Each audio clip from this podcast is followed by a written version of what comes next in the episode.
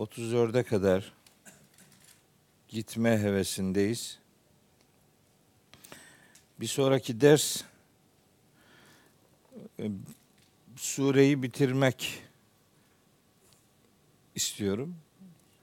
Çünkü bir, sonraki ders ayın 5'inde, ocağın 5'inde. Ondan sonraki ders yani ayın 19'undaki dersi yapamayacağız. Çünkü Umre'ye gideceğim inşallah. Tam da oraya rast geliyor. Oraya gitmeden Mürselat suresini bitirmek arzusundayım. Ee, o itibarla inşallah bugün 34-35. ayete kadar 36. ayete kadar yok 34'ü bitirelim yeter. Öteye doğru çok uzanmayalım çünkü bitmez.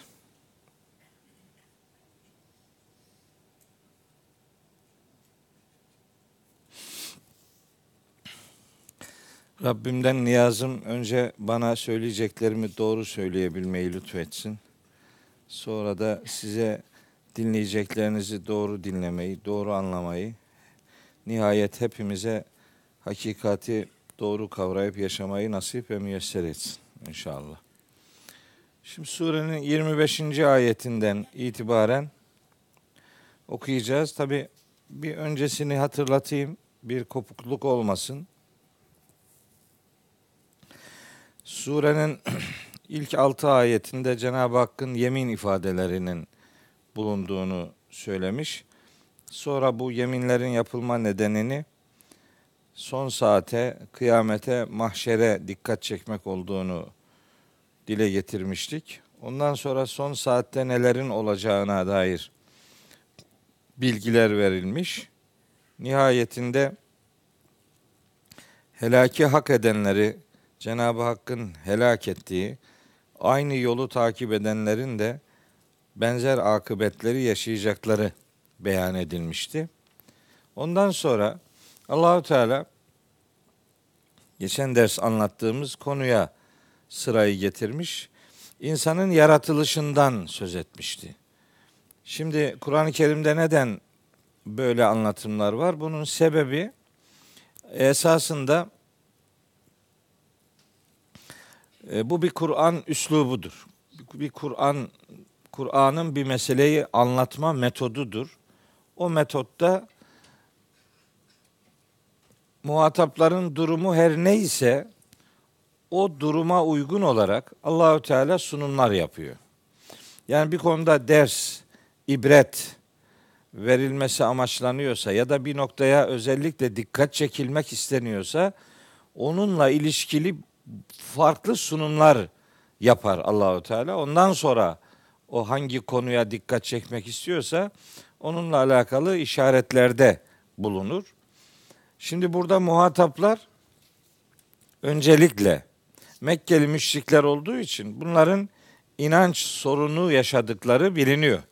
Bu inanç birkaç noktada sorun olarak görülüyor. E, bu noktaların biri işte son saatin yaşanmayacağı düşünceleri var. Son saate inanmıyorlar. E, başka bir inanç sıkıntısı ahirete, mahşere inanmıyorlar. Yani oradaki yargılamanın gerçekleşeceğine filan inanmıyorlar.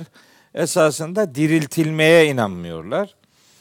İşte peygamberlik kurumuna inanmıyorlar. Allahü Teala'nın hayatı idare ediciliğine inanmıyorlar. Yani yaratıcı Allah'a inanıyor da Rab onun Rablığına inanmıyor. Yani sahiplenmesine, idare etmesine, işte yönlendirmesine, e, yetiştirmesine inanmıyorlar. Tabir caizse hani bugünkü moda tabiriyle işte Allah var ama buralarla ilgilenmiyor. Bu taraflara falan karışmıyor. Burayı bize bıraktı. Nasıl isterseniz öyle gidin gibi. Tam deist dedikleri şey yani. Deistler de öyle diyorlar şimdilerde. Yani Tanrı var var ama öyle var o kadar başka bir şey yok yani. Bu Mekkeliler de öyle bir şeye inanmak istiyorlar. Onların inanç noktasındaki kilitlenen problemleri diriltilmeyle ilişkilendirildiği için Allahü Teala özellikle diriltmeyi gerçekleştireceğine dair bilgiler veriyor. Bu Kur'an-ı Kerim'de oldukça yaygın bir sunumdur. Yani pek çok ayette buna gönderme yapar Cenab-ı Hak. Hani sözümüz böyle afaki kalmasın e, diye bir ayet örneği vereyim. Yani sloganik konuşmuyoruz. Bunların ayetlerden karşılığı var. Ona e, bir delil olsun. Mesela Hac suresinin 5. ve 6. ayetleri tam 5, 6, 7. ayetleri tam bunun delilidir. Tam. 5. ayet tabi 5. ayet diyorum ama 5. ayet yarım sayfadan fazla. Büyük, uzun. Ee, orada şöyle başlıyor. Estağfirullah. Ya eyyühennas ey insanlar in kuntum fi raybin minel ba'si. Siz eğer diriltilme ile ilgili bir şüphedeyseniz diriltilmenin olup olmayacağına dair bir şüpheniz varsa diye başlıyor. Şimdi toptancı bir şey söylememek gerekiyor. Ya bunların hepsi şöyleydi, böyleydi filan öyle de bir sunum yapmamak gerekiyor. Çünkü Mekkeli müşriklerin içerisinde ahirete inananlar da vardı. Yani bu müşrikler hiç inanmıyordu, hiçbir ahirete inanmıyordu demek doğru değil. İnananları vardı. Hiç inanmayanları vardı. İnanç ve inançsızlık noktasında böyle muallakta bulunanlar da vardı. İçlerinde dehre, zamana tapanlar vardı. Doğrudan ahirete hiç inanmıyoruz diyenler vardı. Orada bize daha iyi şeyler verilecek diyerek bir ahiret beklentisi içinde olanlar da vardı. Yani ilk defa duymuş gibi bakıyorsunuz bana. Ben bunu kaç defa dedim ya. Allah Allah ya. Keyif suresinde 36. ayette diyor ki Rabbimiz birinin birilerinin bu konudaki ifadesini nakletmek üzere ve mazun saate kaimeten. Ben bu son saatin gerçekleşeceğini sanmıyorum diyor adam. Veleyin rudittu ila rabbi. Hani ola ki Rabbime döndürülürsem eğer le ecidenne hayren minha munkaleba. Buradakinden daha hayırlı karşılık falan bulacağım ben diyor. Yani oraya dair bir beklentisi e, çok net olmasa bile var, tereddütlü. Mesela benzer bir ifade Fussilet suresi 50. ayette var. Orada da ve in ruci'tu ila rabbi ifade öyle. Rabbime döndürülürsem inneli indehu lel husna. Orada benim için daha güzel karşılık vardır diyor. Bakın tereddütlü. Mesela şeyde Casiye suresinde buyuruyor ki Allahü Teala ve izâ kîle inne va'dallahi hakkun.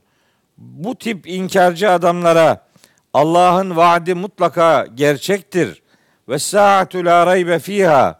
O son saatte de hiçbir şüphe yoktur denildiği zaman kultum inkarcılar olarak sizler şöyle demiştiniz. Ma nedri saatu. O son saat nedir onu pek anlamıyoruz biz. İnne zunnu illa zannen. Bu konuda sadece zanna uyuyoruz. Zannımız var ve ma nahnu bi müsteykinine. Biz henüz tam ikna edilmiş değiliz. Demek ki böyle yani arada ortada duranlar var. Meryem suresinde de buna dair ayet var. Müddessir suresinde de var vesaire. Yani ben o detaya girmeyeyim. Böyleleri var. Yani toptancı bir mantıkla ortaya bir iddia atmayalım. Yani. Bunların hiçbiri inanmıyordu. Sözü doğru değil yani. İnananı var, inanmayanı var. İşte hatta putlara tapıyoruz. Bize Allah katında şefaatçiler olsunlar diye de ayetler var. Yunus suresinde var, Zümer suresinde var. O ayetler, o da iki tane ayet var. Şöyle yorumlanıyor. ahirette Allah'ın onlara yakınlığını ummalarından dolayı değil de dünyada Allah'ın onları biraz daha gözetmesi için puta taptıkları ifadeleri de dile getiriliyor. Ama her ne olursa olsun onu ahiret diye anlamakta herhangi bir sakınca yok. Şimdi böyle ahirete inanç noktasında sorunu olan insanlara Allahü Teala çeşitli örnekler veriyor. Bu örnekler böyle hem insanın insan üzerinden yani beden üzerinden veriyor örnekleri hem evren üzerinden kainat kitabının çeşitli ayetlerinden örnekler veriyor.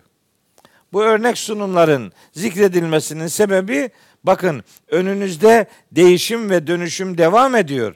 Buradaki değişim ve dönüşüm gibi bu hayattan sonra da başka bir hayat mutlaka gelecektir inancı aşılanmak isteniyor. İşte Hac suresi 5. ayette buyuruyor ki siz eğer diriltilme konusunda herhangi bir şüphedeyseniz o zaman şunu dinleyin diyor. Fe inna halaknakum. Sizi biz yarattık. Min turabin topraktan. Sümme min nutfetin sonra nutfeden yani nutfe dediği döllenmiş yumurta. Hatta onun daha bilimsel adı işte zigot.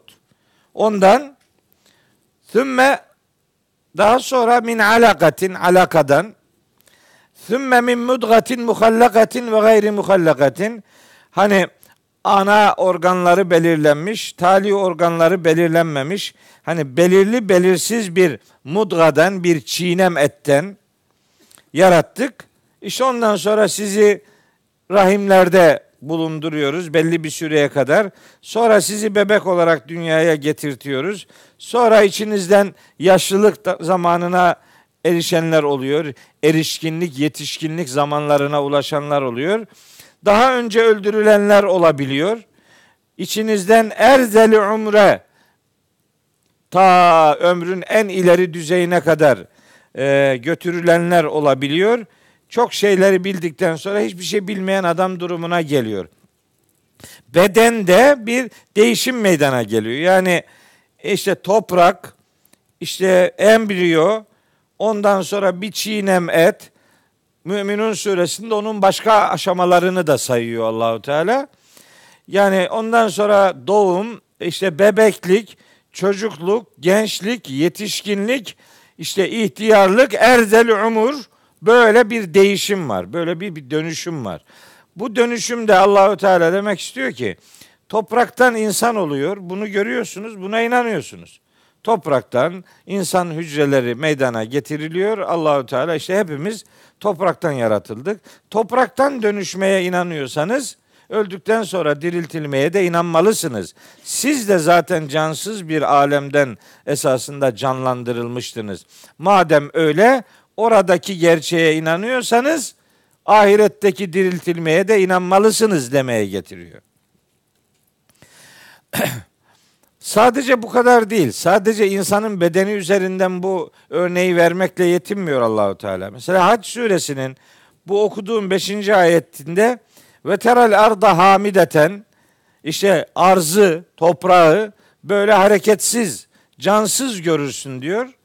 Feiza enzelna aleyhel ma'e onun üzerine böyle su indirdiğimiz zaman, yağmur indirdiğimiz zaman ihtezzet böyle toprak bir süre sonra depreşmeye başlar. Ve rabet böyle hafif kabarmaya, şişmeye başlar. Yani içinden tohum çıkacağı, tohum işte yavaş yavaş bitkiye dönüşeceği için o toprak kabarır böyle. Ve hem betet sonra da bitirir. Bitki verir toprak. Min külli zevcin behicin göz alıcı her bir çiftten nice nice ürünler meydana gelir. Cansız toprağa bakarsınız canlanır. Toprak canlanıyorsa siz de haydi haydi canlanacaksınız demek üzere 6. ayette buyurur ki Zalike bi ennallâhe huvel hakku. İşte Allah gerçeğin ta kendisidir. Ve ennehu yuhyil mevta. İşte ölüleri de o böyle diriltecektir. Ve ennehu ala külli şeyin kadir. Nihayetinde her şeye gücü yeten odur. Ve enne saate atiyetün. o inkar etmekte olduğunuz son saatte mutlaka gelecektir ki onda hiçbir şüphe yoktur. Ve ennallâhe yeb'asü men fil kubur. Ve Allah kabirlerde olanları diriltecektir. Bakın ne yaptı? İşte insanın yaratılışından, insanın bu aleme gelişindeki evreleri aşmasından söz etti. Toprağıydı, nütvesiydi, alakasıydı vesaire. Sonra kuru toprağın üzerine yağmurun düşmesiyle tohumun toprakla, tohumun suyla, toprağın suyla buluşması sayesinde toprağın hafif tirteşmeye, sonra kabarmaya, sonra da bitki meydana getirmesine şahit oluyorsunuz diyor Allahu Teala. Buradaki bir anlamda yaşanan diriltilmeyi görüyor ve bunu müşahede ediyorsunuz. Buna gücü yeten kudretin insanları mahşerde diriltmeye de elbette gücü yetecektir demek istiyor. Kur'an-ı Kerim'de bunun cidden bir sürü örneği var. Hatırda kalsın isterim. Yani böyle buharlaşmadan zihnimizde bu nokta canlı bulunsun diye bize Yasin suresinde çok güzel örnekler vardır. Çok. Biz kaç senedir ders okuyoruz hala Yasin'e gelemedik. Ya bir Yasin'e gelsek orada neler anlatacağız? Yani bu ne mu ne muhteşem bir hayat suresiymiş. Bizim mezarlığa terk ettiğimiz bu sure meğer ne de güzel bir hayat anlatıyormuş. Ne kadar güzel hayata, evrene dair bilgiler veriyormuş meğer. Meğer hayatı düzenlesin diye indirilmiş bir sureyi nasıl da mezarlığa terk etmişiz. Onu ölülere okuyun diyen peygamberimizin ifadesindeki ölülerden kastın aslında yatan ölüler değil, gezen ölüler olduğunu nasıl da ıskaladık. Evet, Yasin ölülere okunur, doğrudur. Tabii ki okunur. Ama yatan ölülere değil, ayaktaki ölülere. Ruhunu öldürmüş adamlara okunur. Yasin. Diyor ki hocam mezara gidince ne yapacağız? Ne yapacaksın? Gazel okuyacak halin yok. Tamam orada da oku. Ben ona bir şey demiyorum ama bunun asıl gayesi dirilerdir. Ya liyunzire men kâne hayyen diyor Allahu Teala ya. Yasin'in 70. ayetinde. O surede o. Bunun indiriliş gayesi hayatta olanları uyarmaktır diyor. İnadına inadına onu nasıl da ölülere okuyoruz ya. Nasıl da şimdi bunu dediğin zaman da böyle bir şey vaveyla kopartıyorlar ya. Hayret bir şey. Yani bunun indiriliş gayesi o mu arkadaş? O mu ya? Vadrib lehum metelen ashabel karye. Onlara şu şehrin halkının misalini ver. Kime? Kime yani? Kime? Ölen adam öyle mi? Ve şemsü tecrili müstakarrin leha. Güneş kendisi için belirlenmiş bir istikrar yerine ve zamanına doğru gidiyor. Adamın güneşi mi kaldı be? Güneş mi yani? Vel kamera kaddernahu menazile. Ve kamera da aya da nice menziller takdir ettik. Hatta öyle ki ade kel urcunil kadimi eski bir hurma dalı gibi oluncaya kadar ayın da menzilleri var.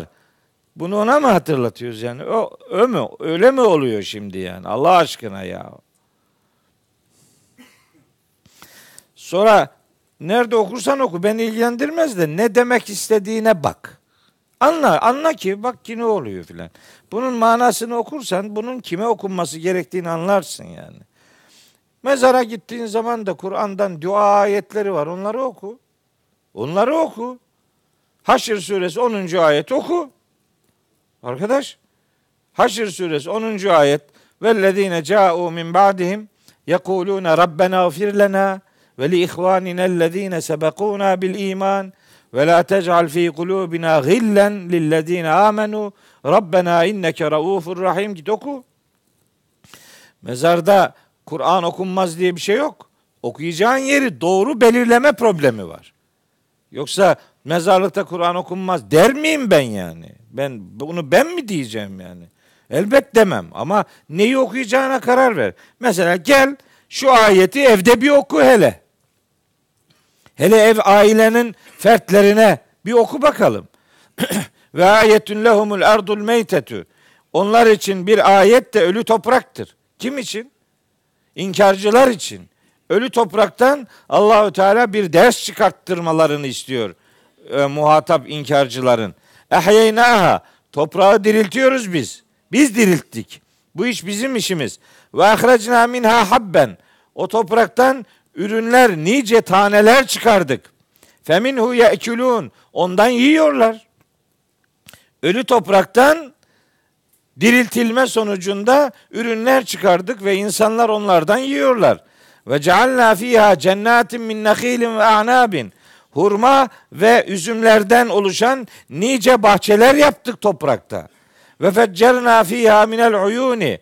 Topraktan nice sular fışkırttık. Topraktan sular fışkırttık. Bir, bir, bir iki ay önce Hatay'a gitmiştim. Hatay'a. Hatay'da orada e, Hatay'ın bir merkez ilçesi vardı. Antakya değil. Merkez ilçe, merkez. Merkez ilçe diyorum hala İskenderun diyordu. Hatay'ın içinde bir kısmı Antakya, bir bir bir yer bir ilçe daha var orada. Çok, yok. Neyse Allah'ım ya Rabbi ya. Hataylı yok mu burada hiç kimse ya? Evet. Yok neyse. Hiçbir tane doğru cevap gelmedi. Tamam. Orada şey var. Bir dağın içinden Allah Samandağ sahilde. Samandağ, Yaylada, Reyhanlı hepsini biliyorum. Oradan söz etmiyorum. Merkez ilçe, merkez, merkez şehrin içinde. Orada dağın içinden arkadaşlar bir su çıkıyor ki ben böyle şey görmedim ya. Dağ, dağın içinden koca ırmak çıkıyor ya. O ırmaktan böyle muhteşem bir görüntü var ki inanın görülmeye değer yani. Benzer bir görüntü Gümüşhane'de var. Öyle acayip dağın içinden su geliyor. Ben bu ayetleri anlıyorum. Malatya'da da o kernek mi vardı? Evet orada da orada da var. Hemen hemen her yerde var ya. Sadece Hatay'da var diye bir şey yok tabi. Şimdi bizim Trabzon'da da var. Ne haber yani? Öyle ya Hatay, Malatya, Antakya diyoruz da Trabzon'da yok mu? Asıl daniskası Trabzon'dadır bunun yani. Nihayet gidin bizim Çaykara'nın dağlarına seyredin nerelerden nasıl sular fışkırıyor. Diyor ki Allahu Teala ve feccerna fiha minel uyun sular fışkırttık.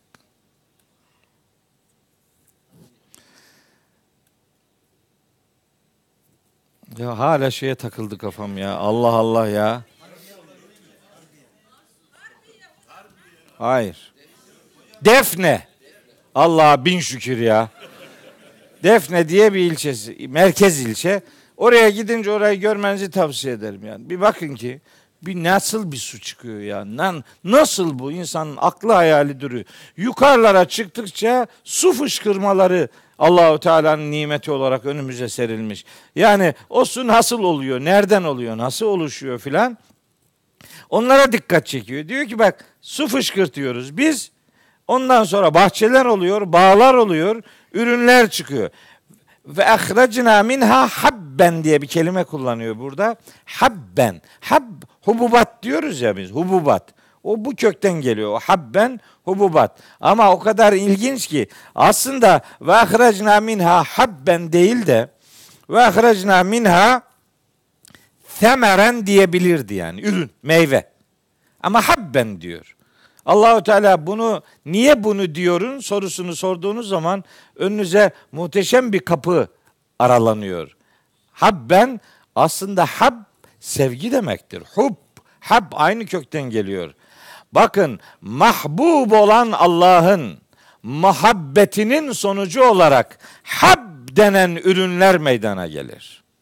Mahbubun muhabbeti olmadan mahbubun muhabbeti olmadan hab denen ürünler yeryüzünde bitirilmez.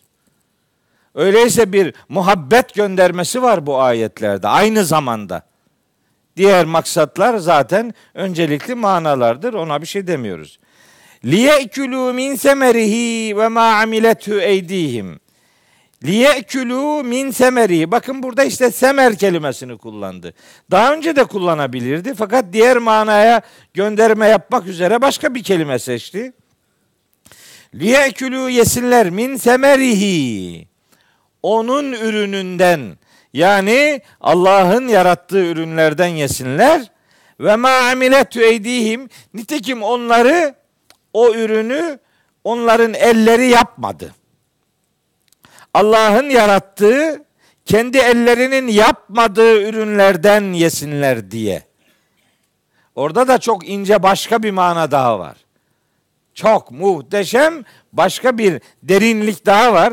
Liyekülü min semerihi ve ma amiletü eydihim. Allah'ın yarattığı ürünlerden yesinler ve bir de kendi elleriyle yaptıklarından da yesinler. Yani üzümü Allah yaratır ama üzüm suyunu siz yaparsınız. Buğdayı Allah yaratır ama buğdaydan ekmeği, pastayı siz yaparsınız. Burada hem insanın bir şey yapmadan Allah'ın yaratmasına gönderme vardır. Hem de Rabbimizin yaratmasından sonra insanın da başka ürünler meydana getirebilecek istidadına Rabbimizin göndermesi vardır. Efela yeşkurun. Neden hala şükretmiyor bu adamlar? Gör. Görmüyor musun? Bu cansız toprak dönüyor da canlanıyor. Siz de ondan yiyorsunuz. Evet. Muhteşem bilgiler var. İnanın. Ama bu yani gezen ölülere yöneliktir. İyi bakın hayat ve sahibi var. Bu hayatın bir hesabı var. Öbür tarafta bunun mutlaka gündeme gelecek bir oturumu yaşanacaktır. Oraya itibar edin, orayı ıskalamayın demeye getiriyor. Öldükten sonra diriltilmeye dikkat çekmek için ölü toprak üzerinden Rabbimiz bir ders veriyor. Sonra Subhanellezî halakal ezvace küllaha mimma tunbitul ardu ve min enfusihim ve mimma la ya'lemun. O da bir başka hakikat, bir başka ders, bir başka ünite, bir başka kitap adeta. Evrendeki çifterli yaratılış. Bilim insanlarının önü ardına kadar açıktır. Kitabullah onların önünü açar. Çalışma alanını bütün evren olarak belirler. Niye? Bütün çiftleri yaratan Allah'ın şanı ne yücedir. O her türlü eksiklikten münezzehtir der. Hangi bütün çiftler mimmatun bütül ardu arzın bitirdiklerinden yani bitkilerden bir çift oluş meydana getiriliş söz konusudur değil mi? Yağmur toprakla, toprak tohumla, tohum yağmurla ya bitkilerin içindeki dişi ve erkek hücrelerin birbiriyle buluşması bir bitkinin meydana gelmesini sağlıyor. Orada bir çift oluş vardır. Ve min enfusihim insanlardan da Allah çiftler yaratmıştır. Yani insanlar ya erkektir ya dişidir. Bu çift oluş insanlar için de söz konusudur. Ve mimma la ya'lemune. Daha ileride veya yakın bir zamanda bilemeyeceklerinden de çiftler yarattı diyor Allahu Teala. Yakında la ya'lemun bu, bu kalıp la yani muzari fiilin başına la edatı geldiği zaman ileride yakın bir gelecekte bir işin olmayacağını gösterir. Ama bir işin hiç olmayacağını gösteren kalıp bu değildir. Onun başında len getirilen kalıp hiçbir şeyin olmayacağını, asla olmayacağını beyan eden kalıp odur. Burada la edatı kullanıyor Allahu Teala. Niye biliyor musunuz? Yani vahyin indirildiği dönemde bilinmeyen ama bir süre sonra bilinebilen şeyler olacaktır. Bir süre sonra bilinen şeyler her ne kadar olursa olsun onların da bilemedikleri bulunacaktır. Siz ne kadar neyi bilirseniz bilin ille de bilemeyeceğiniz bir unsur olacak. Çünkü Allahu Teala ve yahluku ma la ta'lemun diyor. Sizin bilemeyeceğiniz şeyleri Allah yaratmaya devam ediyor. Yaratılış devam ettiğine göre bilinemezlik de devam ediyor. Siz ne kadar bilirseniz bilin Allah'ın bilgisini asla kuşatamayacaksınız. Ama bu mevcudu bilip başka hiçbir şey bilemezsiniz demek değil. Çok ustalıklı bir edatı seçmiş Allahu Teala. La edatını seçmiş. Len edatını seçmemiş. Yani aslında bilimin önünü açık bırakmış. Biz şimdi bu çifterlilik üzerinden düşününce e, Zariyat suresinde Zariyat suresinde buyuruyor ki Allah Teala ve min kulli şeyin halakna zevceyni. Bakın Zariyat suresinin 49. ayeti. Biz her şeyden çift yarattık. Demek her şeyin çifti varmış. Ne ki yaratılmıştır? Bilinmelidir ki onun çifti vardır. Bu bilim insanlarının konusudur. Bu konuyu bilim insanları çok daha detayına ve teferruatına varıncaya kadar inceledikleri alanlarda keşfederler, görürler, bilirler, bilsinler esasında elbette. Ama onlar ne kadar bilirlerse bilsinler, yaratılış devam ettiği için daima bilemeyecekleri şeyler bulunduğunu da unutmasınlar. Bize Allahu Teala ev ödevi veriyor, evreni inceleyelim diye. Ama haddimizi bilmemizi de hatırlatıyor. Ne kadar neyi öğrenirseniz öğrenin bilemeyecekleriniz mutlaka bulunacaktır mesajını da veriyor. O la ya'lemune ifadesindeki la edatı bize bu manayı veriyor. Peki bunun diriltilmeyle ne ilgisi var? Her şeyin çifti olsun da dünyanın karşıtı olarak ahiret olmasın mı yani? Dünyanın çifti, dünyanın öbür tarafı da ahirettir işte. Ahiret her ne kadar bazıları öbür dünya diyorsa da öbürü dünya değil. Öbürü ahiret. İki dünya diye bir şey yok. Bir tane dünya var. Dünya zaten aşağı, içinde bulunan yakın hayat demektir. O buraya ait bir ifadedir. Bunun ötekisi ahirettir. İki dünyada da saadetler dilerim demek yani öbür öbürde seni beklemiyorum demektir yani. Burada ne idare edersen. Yani kelimeleri doğru kullanmak lazım değil mi? Koskoca adamlar mesela ahirete de dünya diyor ya. La ahiret dünya değil ya. Onun adı ahiret işte yani. İki dünya yok bir tane var yani. Öbürü bunun işte karşıtı. Yani çiftin öbür tarafı yani.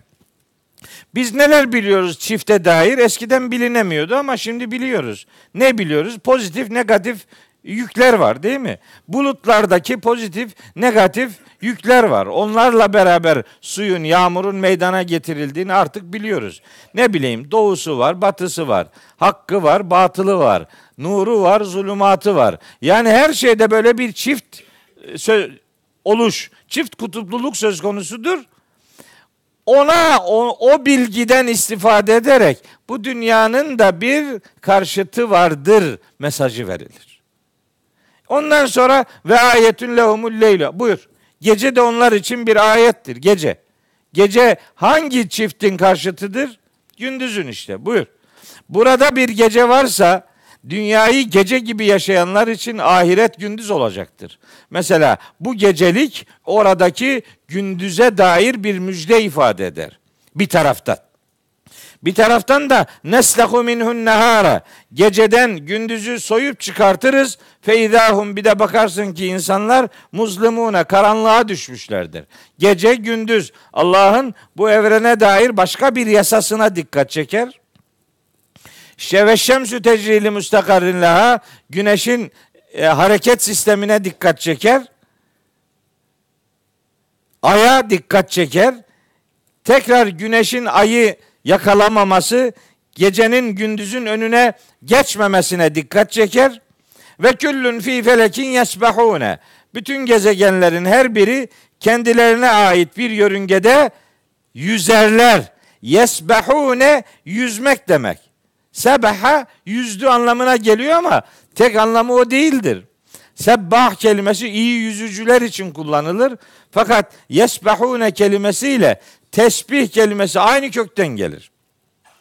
Yani evrendeki mahlukat varlıklarını nasıl sürdürüyorlar? O gezegenler uzayda tıpkı bir geminin suda yüzmesi gibi nasıl bir hareket halinde varlıklarını sürdürüyorlarsa o varlıklarını sürdürmelerine yesbahun fiiliyle karşılık verilir. O hareket aynı zamanda o nesnelerin tesbihidir. Yani güneşin hareketi onun tesbihidir. Çünkü mahlukatın her biri tesbihe kodlanmıştır. Tesbihin istisnası olan hiçbir mahluk yoktur. Ne ki biz onların tesbihini anlamıyoruz. İsra suresi 44. ayet bunu söyler bize.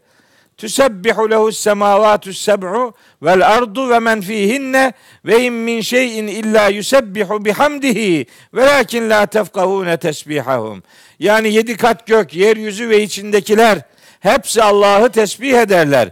Hiçbir şey yoktur ki Allah'ı hamd ile tesbih ediyor olmasın. Ancak siz onların tesbihini şimdilik anlamıyorsunuz. Yani maddenin, atomun içindeki protonların etrafında hızlıca dönen elektronlar aslında maddenin tesbihini yaşıyorlar. Gezegenler birinin öbürünün etrafında dönen gezegenlerin o dönüş hareketi onların tesbihidir. Sözüm şudur. Mikro alemden makro aleme kadar bütün mahlukat Allah'ı tesbihe kodlanmıştır.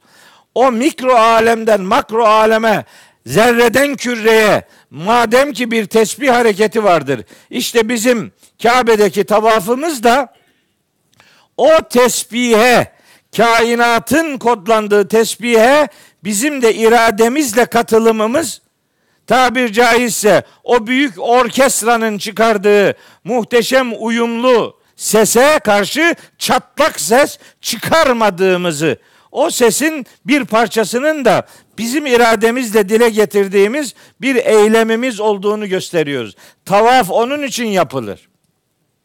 Hatta tavaf yapılırken Kabe'yi sol tarafa alıp o saat yönünün tersine dönmemizin de mutlaka bir hikmeti vardır. Yani öyle öbür tarafa doğru da dönülebilirdi. Öyle dönülmüyor işte. Saat yönünün tersine dönülüyor. Ve tavaf biliyorsunuz yedi şafttan meydana geliyor. Oradaki yedi rakamının çok önemli bir esprisi vardır. Kabe'yi sol tarafa alıp tavafı öyle yapmanın çok önemli bir esprisi vardır. Tavafa başlarken istilam yapmanın çok önemli bir manası vardır. Bizimki hacca gidiyor, tavaf yapıyor, ne yaptığını bilmiyor ya. Dönüp geliyor işte. Bizimkilerin bir bölümü daha çok Kabe'nin Kabe'nin etrafında değil de Mescid-i Haram'ın etrafındaki çarşıları tavaf ediyor. Oralarda daha yoğun bir tavaf var. Gidiyor Kabe'ye bu zemzem tavır bu ne kadar ayıp bir bina diyor. İşte Kabe'ye karşı saygısızlık yaptılar, öyle yaptılar, böyle yaptılar. Tamam ben de o kanaatteyim. Benim de hiç hoşuma gitmiyor ama sonra namazdan sonra buluşalım deyince buluşma noktaları ne biliyor musunuz? Zemzem tavırın ikinci katı, üçüncü katı, dördüncü katı, beşinci katı. Herkes orada buluşuyor. Hani tepki gösteriyordun? Niye gidiyorsun oraya? Eskiden müezzinliğin orada buluşuyordu. Altınoluğun karşısında buluşuyordu bizimkiler. Git orada buluşsana. Buluşmuyor. Buluşma yeri zemzem tavır. Zemzem tavırın içinde tavırı eleştiriyor. Veya tavaf yaparken alıyor eline telefonu selfie yapıyor. Dolaşıyor. Telefonla beraber oradan yayın yapıyor. Demek ki bak ben umredeyim ha. Yani bizim Trabzonlu öyle yapmış.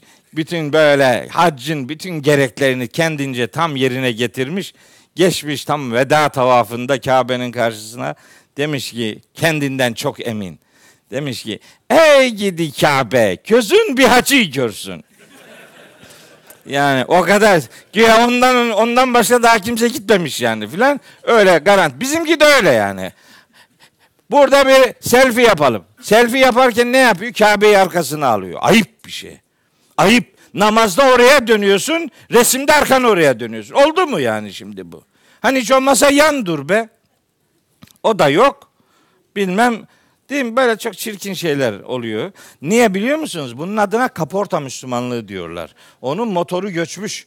Motoru göçmüş adamın yatırımı kaportayadır yani. Kaporta çok güzel olsun, motor ne olursa olsun. Bu oraya gider. Ya insan ihrama girer de bunu sormaz mı ya? Bu nedir yani? Lebbeyk Allahümme lebbeyk diyerek havaalanında başlıyorsun. Nedir bu ya? Şunu bir anlayalım demez mi insan ya? Bu mikat sınırları var. Mikat dediğimiz sınırlar var. Bunlar neyi temsil eder? İnsan bir merak etmez mi ya? Etmiyor. Arafat diye bir yer var. Bu Arafat kelimesi nedir acaba ya? Bu kelime niye böyle bir e, yer için kullanılıyor? İnsan merak etmez mi? İhramı merak etmez mi? Bu ihram nedir ya? İhramı adam iki tane çamaşır parçasından ibaret görüyor. İhram o değil. İhram normal zamanlarda helal olan bir takım davranışları Allah'ın hatırı için kendine haram kılmak demektir. Bunun bile farkında değil vatandaş. Gitti geldi. Ömrünün de sonuna doğru gidiyor. Genellikle bütün günahları işliyor. Gidiyor orada sıfırlanıp geliyor. Şey format atıyor kendine. Geliyor. Daha hacden, umreden geldikten sonra da diyor ticareti bırakalım diyor. Filan artık bunu yapmayalım. Asıl o zaman yapman lazım. Değil mi? İhram mesela ihramı anlatırken işte genellikle derler ki bu kefene benzer. Hadi ölümü hatırlatsın. Mahşeri hatırlatsın eyvallah. Ona bir şey demiyorum ama aslında ihram aslında o beyaz haliyle insanın hayatında bembeyaz yeni bir sayfa açmayı tem- temsil eder. Yani artık haramlara bulaşmama iradesini ortaya koyar. Müzdelife'ye geliyorsun. Müzdelife'nin adı Müzdelife olarak Kur'an'da geçmez. Onun Kur'an'da geçen karşılığı meş'ari haramdır. Yani saygın olan şeylerin şuuruna varıldığı yer demektir. Yani işte böyle gidiyor. Ee, yani insanlar cidden işte beraber gittiğimiz arkadaşlara bunları anlatıyorum orada. Sevr'in altına gidiyor. Ah Sevr'de ne oldu? Güvercinler geldi. Yok bilmem orada yumurta yaptı. Yok bilmem örümcekler orayı ördü filan. Ya ne anlatıyorsun ya? Bir de ağlamasın mı anlatırken? Dinleyen de ağlıyor, anlatan da ağlıyor. Ne ağlıyorsun? Yalan bu. Yalana koro halinde ağlıyoruz. Ya o ayet var. Ya o sevirle ilgili ayet var Kur'an'da. Ya insan onu bir kere okumaz mı ya? Yani Tevbe suresinin 40. ayeti orayı anlatıyor. Bir kere okusana şunu ya. Okumuyor. Ondan sonra işte böyle magazinel şeyler anlatıp duruyorlar. Millet de onlara itibar ediyor. Ali Hoca öyle demişti bana bir gün. Böyle başka türlü biz başka türlü anlatılar duyduk. Evet öyle ama ayeti kerime bambaşka bir şey söylüyor. Ayet bambaşka bir şey söylüyor. Oranın ağzını efendim güvercin yuvalarıyla bilmem örümcek yuvalarıyla e, bunu bir keramet olarak anlatıyorlar. Aslında Allahu Teala göremeyeceğiniz ordular indirdi diyor. Allah göremezsiniz diyor. Bizimki milimetrik bilgi veriyor. Ne görememez? Adam planını çıkarıyor neredeyse. Ama aynı bunu anlatan adam bu Sevir mağarası niye Yemen yolu üzerindedir de mesela Mekke ile Medine arasında bir yerde saklanmak daha daha makul iken yolun üzerinde bir yerde saklanmak daha makul iken onu ters tarafta bir yere doğru yönlendirmenin ne kadar insanca ve ne kadar beşerce bir önlem olduğunu iskalıyor. Ona baksaydın böyle kaldırırdı peygamberimizi şöyle bir 10 metre havaya olur biterdi her şey. Tersine şu kadar gün de orada bırakmazdı değil mi? Sormak lazım. Sorduğun zaman cevabı belli. Hira'ya gidiyor. Hira ile ilgili nerede yani orada ne okunması lazım? Orada aslında ne olması lazım? Gidiyor Hira'da bir kısmı da zaten Hira'ya çıkmıyor. Ya gitsene Hira'da hatıramız var bizim. Bu vahiy orada inmeye başladı. Hani o hatırayı bir hissetsene filan. Oraya da pek çokları çıkmıyor. Oraya çıkınca biz iki, iki sene önce gittiğimiz zaman dedim ki burada Alak suresi konuluyor. Zaten onu yazmışlar oraya duvarlara. İkra bismi rabbikellezi halak. O beş ayeti yazmışlar da Orada elbet o beş ayeti yazsın ama asıl orayı anlatan, asıl orada olan şeyleri bize öğreten sure Necim suresidir. Necim suresi orada konuşulması lazım. Orada olanları Necim suresi anlatır ilk grup ayeti itibariyle. Yani böyle bir memnun durum var herkeste. Fazla bir şeyle ilgilenmiyorlar. Öyle gidiliyor. Gidildiği gibi dönülüyor. Ee, öyle oluyor. Aslında umre umre demek hayatı ömre dönüştüren yolculuk demektir. Umre bir ömür, bir ömür sözleşmesidir. Hatta umre tamir etmek demektir. Tamirle umre aynı kökten gelir. Yani bir bir onarım işidir. Arızaları onarmak üzere söz veriyorsun Allahu Teala. Lebbeyke de o demektir. Söz veriyorum ya Rabbi. Senin her bir emrine karşı en az iki kere amadeyim. Sen benden bir şey istemeye gör. Ben onu defalarca yaparım. İşte hazırım, geldim, parolayı da biliyorum. Sınırdan öteye geçtim, şimdi sana amadeyim. Nasıl istiyorsan beni öyle yoğur diyebilmektir. Telbiye o demektir yani. öyle olursa onun geri dönüşünde hayata daha başka bir gözden ve daha başka bir gözlükle bakma erdemi elde edilir diye sizinle bu ifadeleri paylaşmış olayım. evet. Daha neler aklıma geliyor da. Biz tabi öyle mürselata başlayamayacağız. Bir ayet daha söyleyeyim. Sonra geçiyorum mürselata. Bak. Ben en başta ne dedim? Mürselatın o ayet grubuyla alakalı. Dedim ki muhataplar öldükten sonra diriltilme ile alakalı bir tereddüt yaşıyorlarsa Allahü Teala o tereddüdü gidermek üzere örnek veriyor. Diyor ki gözünüzün önünde yaşanan bu gerçekliklere bakın. O gerçekliklerden hareket ederek asıl ıskaladığınız hakikate kulak kabartın. Örnek veriyor. İşte çevresinden, insandan örnek veriyor. Çok önemli bir ayet grubu okumak istiyorum size bununla alakalı. Kaf suresi var Kur'an-ı Kerim'in. Kaf suresi Kur'an-ı Kerim'in 50. suresidir. Surelerin isimleriyle ilgili size bir şeyler anlattım mı ben hiç? Sure isimleri. Surelerin sure her Kur'an'da her surenin en az üç tane adı vardır. Kur'an'da her surenin en az üç tane adı vardır. Bu isimlerden biri surenin özel ismi. İsimlerden biri surenin indiriliş zamanıyla alakalı ismi. Bir de surelerin ayet sayılarına göre isimleri vardır. Bu genellikle bilinmez. İlk ikisi bilinir de bu üçüncüsü genellikle bilinmez. Kaf suresi olduğu için oradan aklıma geldi. Kur'an'da ilk uzun yedi sureye seb'i tıval derler. Es-seb'u tıval. Yani Bakara, Ali İmran, Nisa, Maide, En'am, Araf, Enfal Tevbe ikilisi bir sayılır. Bunlara ilk uzun yedi sure derler. Es-seb'u tıval derler. Ayet sayıları en uzun olan yedi sure. Bundan sonra ayet sayıları yüz civarında olan sureler vardır. Onlara el miun derler. Miun yüzlü ayetler, yüz civarı ayeti olan sureler el miun denir onlara. Bir de ayet sayısı 50-100 arası aşağı yukarı. Aşağı yukarı yaklaşık olarak 50-100 arası 50 civarı 60-70'lik gibi bir görüntü veren sureler var. Onlara el methani derler. El Methani hem Kur'an'ın bütününün adıdır, hem bu surelerin adıdır, hem Fatiha'nın adıdır. Methani aynı zamanda Kur'an'ın bir sıfatıdır. Bir o var.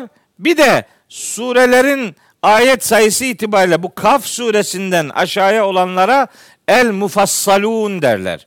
Yani kısa kısa fasılalarla ayrılmış sureler anlamında o el mufassalun dediğimiz surelerin birincisi Kaf suresidir. Hani bir bilgi hafızamızda bulunsun. Kalkıp biri bir şey dediği zaman ona bu bilgiyi aktarabilelim diye ifade ettim. Şimdi diyor ki Allahu Teala Kaf suresinde Kur'an'ın bir meseleyi anlatırken böyle bir verkaç yöntemi de vardır. Hani sporcu diliyle de hani verkaç yapmak derler. O verkaç şu yani e, bu metinlerdeki karşılığı yani bir ana konu vardır. O ana konuyu belirler Allahu Teala surede. Sonra o ana konuyu ara ara hatırlatır. Yani başlangıçta ana konuya temas eder. Ondan sonra eğer sure uzunsa ara ara başka şeyler anlatmış olsa da o konuya zaman zaman göndermeler yapar. Onun en tipik örneklerinden biri Kaf suresidir. Kaf suresinde Allahu Teala daha birinci ayette mecid olan Kur'an'a yemin olsun der.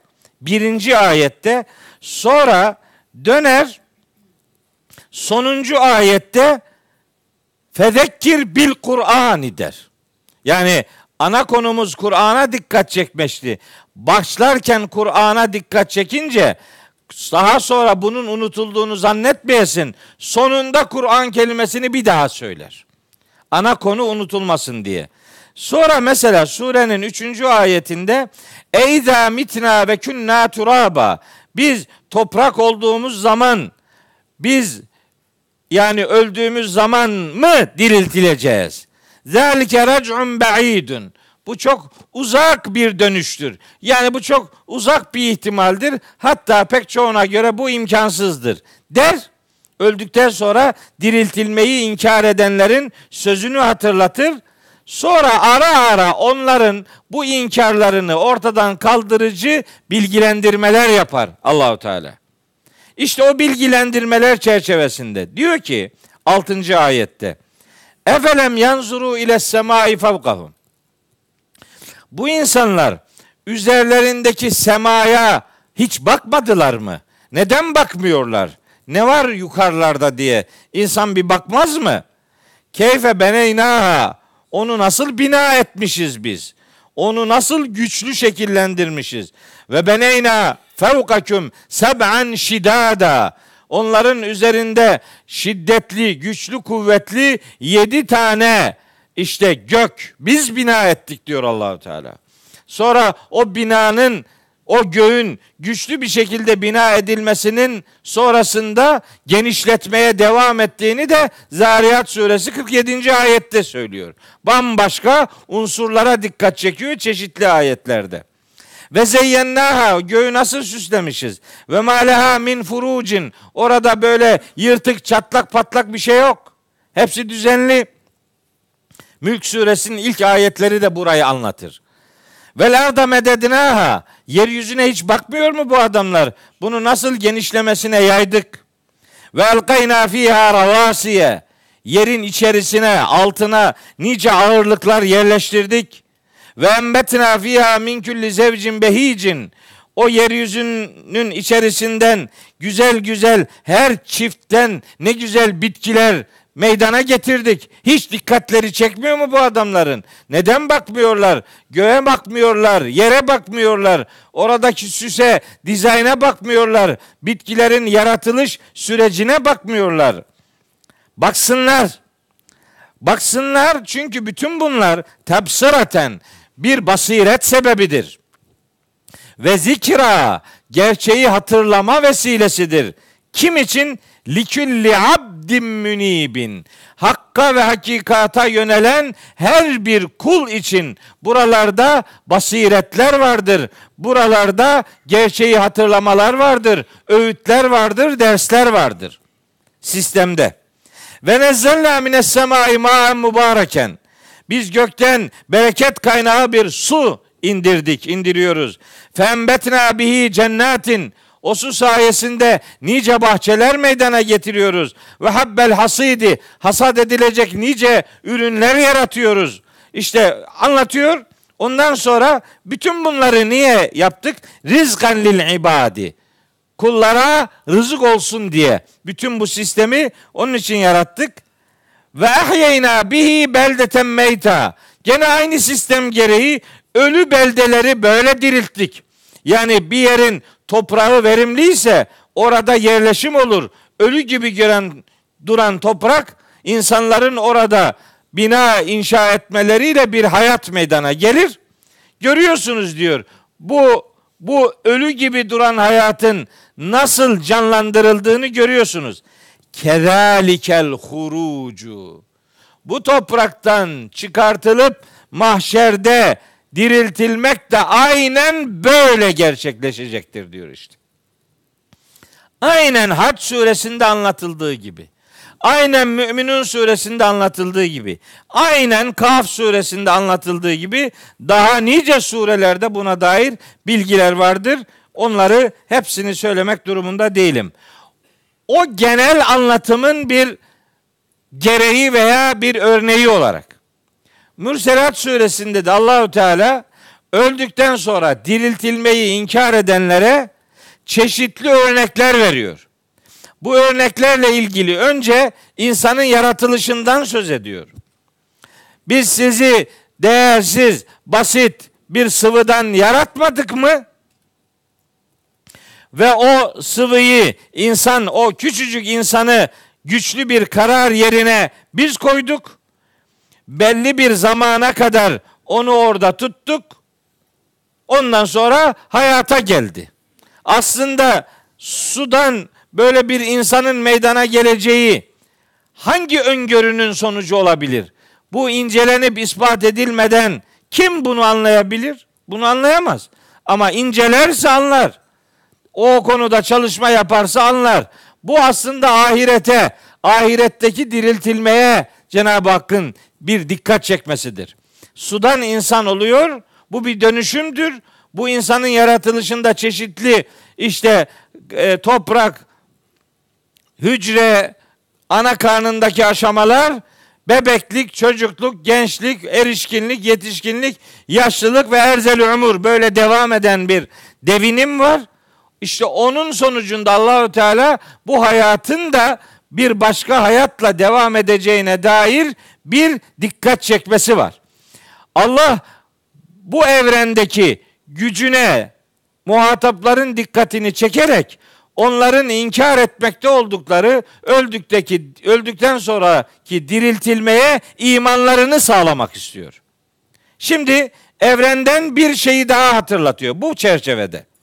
Buna itibar edin. Buna itibar ediyorsanız onun öldükten sonra diriltileceğinize dair verdiği bilgilere de imanınız olsun demek istiyor inanmayanlara. Ne diyor? Elem nec'alil arda kifata ahyaen ve emvata. 25-26. ayetler. Biz yeryüzünü bir kifata, kifat toplanma yeri demek. Bir toplanma yeri yapmadık mı? Ahyaen ve emvata. Diriler ve ölüleri. Diriler ve ölüler için yeryüzünü bir toplanma yeri yapmadık mı? Şimdi bakın. Yerin, toprağın toplayıcılığından söz ediyor Allahu Teala. Neyi toplay neyi toplayıcılığı? Dirileri ve ölüleri. Ha, kifat kelimesini kullanıyor. İlginç. İlginç. Aslında elem nec'alil arda kifaten değil de mesela işte camian diyebilirdi toplayıcı. Başka bir kelime de kullanabilirdi. Kullanmıyor. Bu kelimeyi kullanıyor. Niye? Çünkü bu kelime hem ayetin bulunduğu kapsamda çok önemli bir anlam inceliğine işaret ediyor. Hem de bir sonraki ayete gönderme yaparak bambaşka bir şey, bambaşka bir e, unsura dikkat çekiyor. Kur'an'da kelimeler rastgele seçilmişler, de, seçilmiş değillerdir. Kelimeler nihayetinde Allah'a ait bir seçimin konusu oldukları için ustalıklı bir konumları vardır. Bu kelimenin anlamıyla alakalı işte alimler kelimenin çekmek, şimdi çekmek anlamı var. Bir, toplamak, yapışmak, içine almak gibi anlamları var kelimenin. Şimdi bakıyoruz bu kelimeye ve bu ayet grubuna bakıyoruz. Bir önceki ayet grubunda Allahu Teala insanoğlunun ana rahmindeki yaratılışına dair bilgi vermişti. Bu ayette ise yeryüzünün dirileri ve ölüleri toplayıcılığına dair bilgi verdi. Aslında belki de demek isteniyor ki Allahu Teala insanın ana rahmindeki hayatına o, o ana rahmine belki birinci vatan demek istiyor. Bu arza da ikinci vatan diyor muhtemelen. Bizim birinci vatanımız ana rahmidir. İkinci vatanımız burasıdır. Yani bu arzdır. Bu arzda hayattayken de burada bulunuruz. ölümümüzden sonra da bur, bu, burada oluruz. Yeryüzü bizim için hem hayat hem ölüm sonrasına dair bir nedir? Bizi toplayan bir mekandır. Huvel huvellezî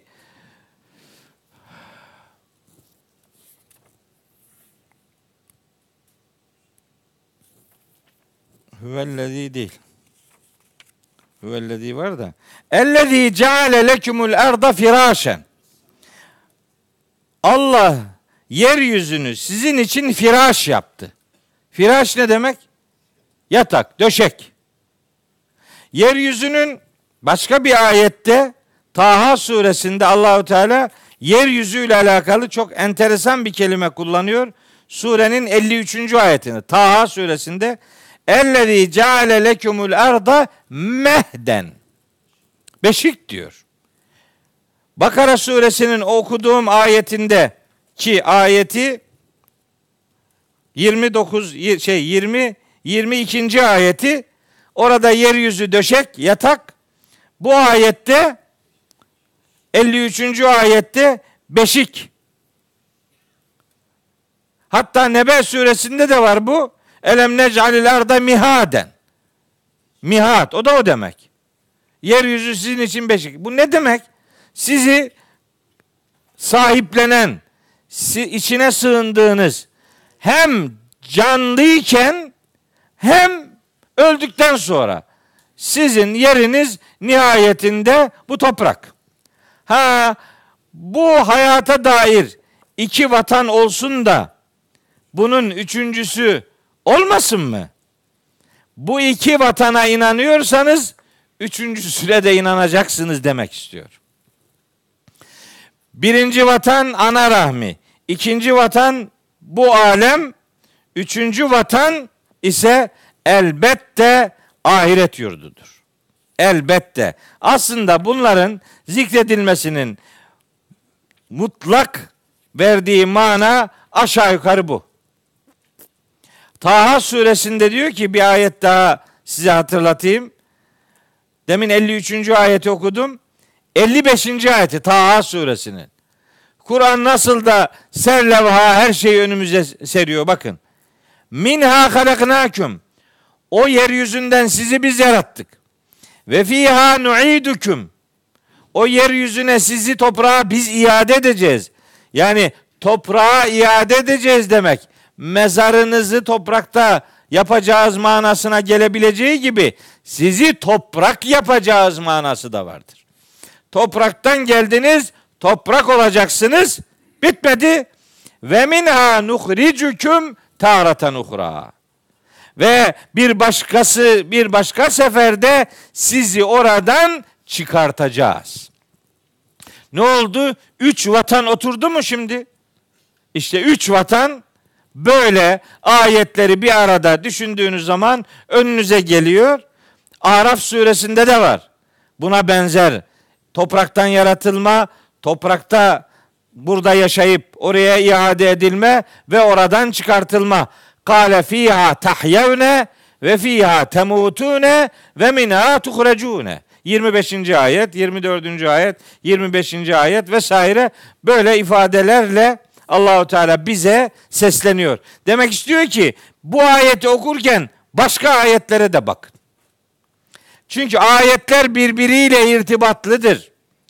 Yani yeryüzünün kifat oluşunu daha iyi anlayabilmek için ister istemez yeryüzünün firaş oluşuna, yeryüzünün yeryüzünün mehd veya mihad oluşuna ve yeryüzünün bizim toprak olacağımız gerçeğine dair dizayn edilişine dair ayetleri öğreniriz. Bir başka hayata da oradan gönderme yapıldığını Kur'an bize bu detaylarıyla önümüze serer. Bunu görür. Böyle okursak iyi bir okuma yapmış oluruz. Değil mi? Biz tefsir yapmıyoruz yani. Biz yapmıyoruz ya. Biz kim oluyoruz ki bunu biz yapacağız yani? İnsan tefsir mi yaparmış? İnsan Allah'ın yaptığı tefsiri bulmaya çalışır. Hangi ayetin hangi ayetle irtibatlı olduğunu bulur. İşte tefsir bu. En güzel tefsiri ben yaparım dedi Allahu Teala. Daha bundan sonra laf mı var yani? Değil mi? Furkan suresi 33. ayet. Ve ahsene tefsira. En güzel tefsir bizimkidir. Bitti. Ayetleri Rabbimiz kendisi açıkladığını söylüyor Hud suresinde. Bitti. Mesele bitti. Ama işte bu ayet hangi ayetlerle irtibatlıdır onu biz araştırıyoruz. Biz bulmaya gayret ediyoruz. Rabbimizin sanatına dair bir yolculuk yapıyoruz. Bizimki bu. Başka bir şey değil. Aman başka bir şey bunu başka bir çeşilde ne olsun ne olursunuz yorumlamayın yani. Müfessir. Müfessir Allah'tır. Allah tefsir yapan o. Bizimki bizim yaptığımız Allahu Teala'nın yaptığı tefsiri yaptığı ayet ilişkilendirmesini bulmaktan ibarettir. Deminden beri bunları yıllardır bunları anlatıyoruz yani. Bu ayet şu ayetle irtibatlıdır diyoruz. O ayetin irtibatı şu noktalardadır. Kullanılan kelimeler bizi böyle muhteşem sonuçlara götürüyor diye bu ne olur? Yani Kur'an'ı konuşanlara bu gözle bakın. Eğer Kur'an'ı konuşturuyorsa tabi. Ha, tefsir diye kendisini anlatıyorsa değil mi? Kendi kendi görüşünü Allah'ın görüşüymüş gibi anlatıyorsa ah ne güzel. Değil mi? Allah adına konuşuyoruz. Oo, Allah adına konuşuyorsun. Ne cesursun. Allah adına konuşma yetkisini kim verdi sana? Hayırdır. Ne cüretkar bir cümle bu. Bunu nasıl söylersin ya? Anlayabildiğimi söylüyorum de. Allah adına konuşuyorum neyin nesi? Rabbimizin kelamından ayet bağlantılarını bulmaya gayret ediyoruz. Hepsi bu. Ha bu arada hata yapmış olabiliriz. Varsa hata bize aittir. Hata bizimdir. İyi iyi eşleştirmeler yapamıyorsak kabahat bizimdir. Ama biz Kitabullah'ın şu özelliğini biliyoruz. Kitabullah müteşabihtir, mesanidir. Müteşabihtir demek ayetleri birbiriyle benzeşiyor demek. Müteşabih manası anlaşılamayan demek değil ayetleri birbiriyle benzeşen, karşılıklı bir benzemenin olduğu ayetler. Bir de mesani, mesani bir şeyi zıddıyla anlatan, karşıtıyla anlatan, eşiyle anlatan, karşı çiftiyle anlatan yapısıdır Kur'an-ı Kerim'in. Ha işte bizim yaptığımız hangi ayet hangi ayetle karşılıklıdır? Hangi ayet hangi ayetle benzeşiyor? Bununla alakalı bir şey yapıyoruz. Başka bir şey yapmıyoruz. Başka bir şey yaparsak büyük bir hata yaparız.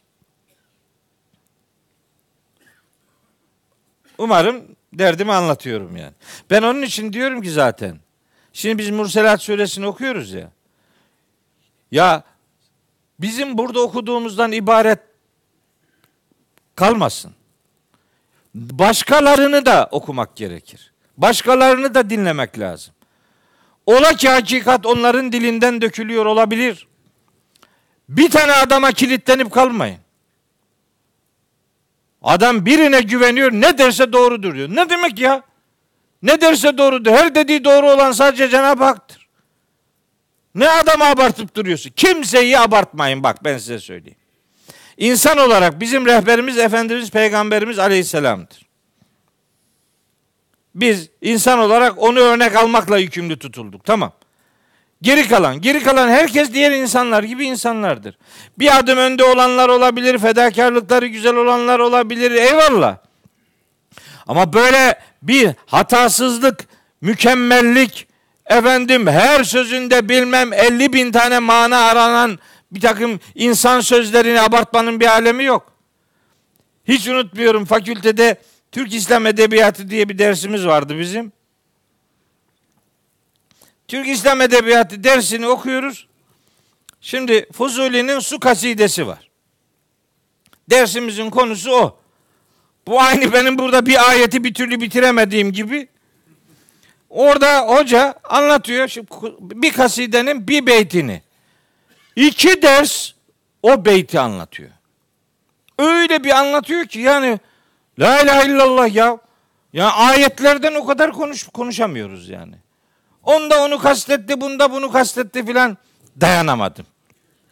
Böyle derste en önde otururdum ben böyle en önde. Dedim ki hocam dedim. Bu Fuzuli bugün bu derste olsaydı derdi ki vay be ben neymişim derdi ya. Lan ben neler kastetmişim de haberim yok. Adam bunlardan haberi yok. Ne uydurup duruyoruz dedim ya. Ne abartıp duruyoruz işte. Şair şiir söyledi. Tamam sanatı olabilir de.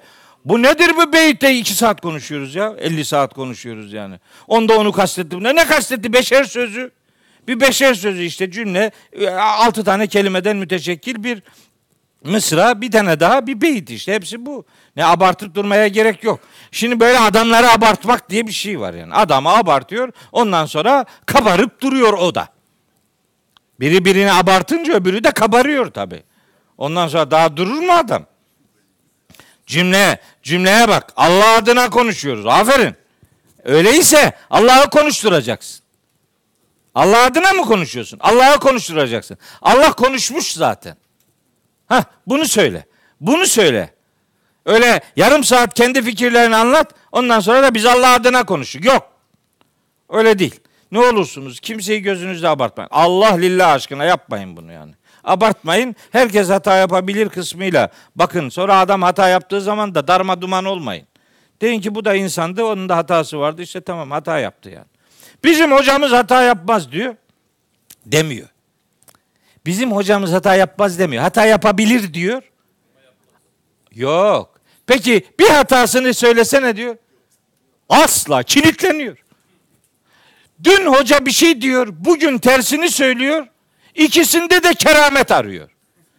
Yok işte yok. Dünkü doğruysa bugün gitti. Dünkü yanlışsa bugün doğruyu buldu de. Nihayetinde bu yolculuk böyle bir yolculuktur arkadaş.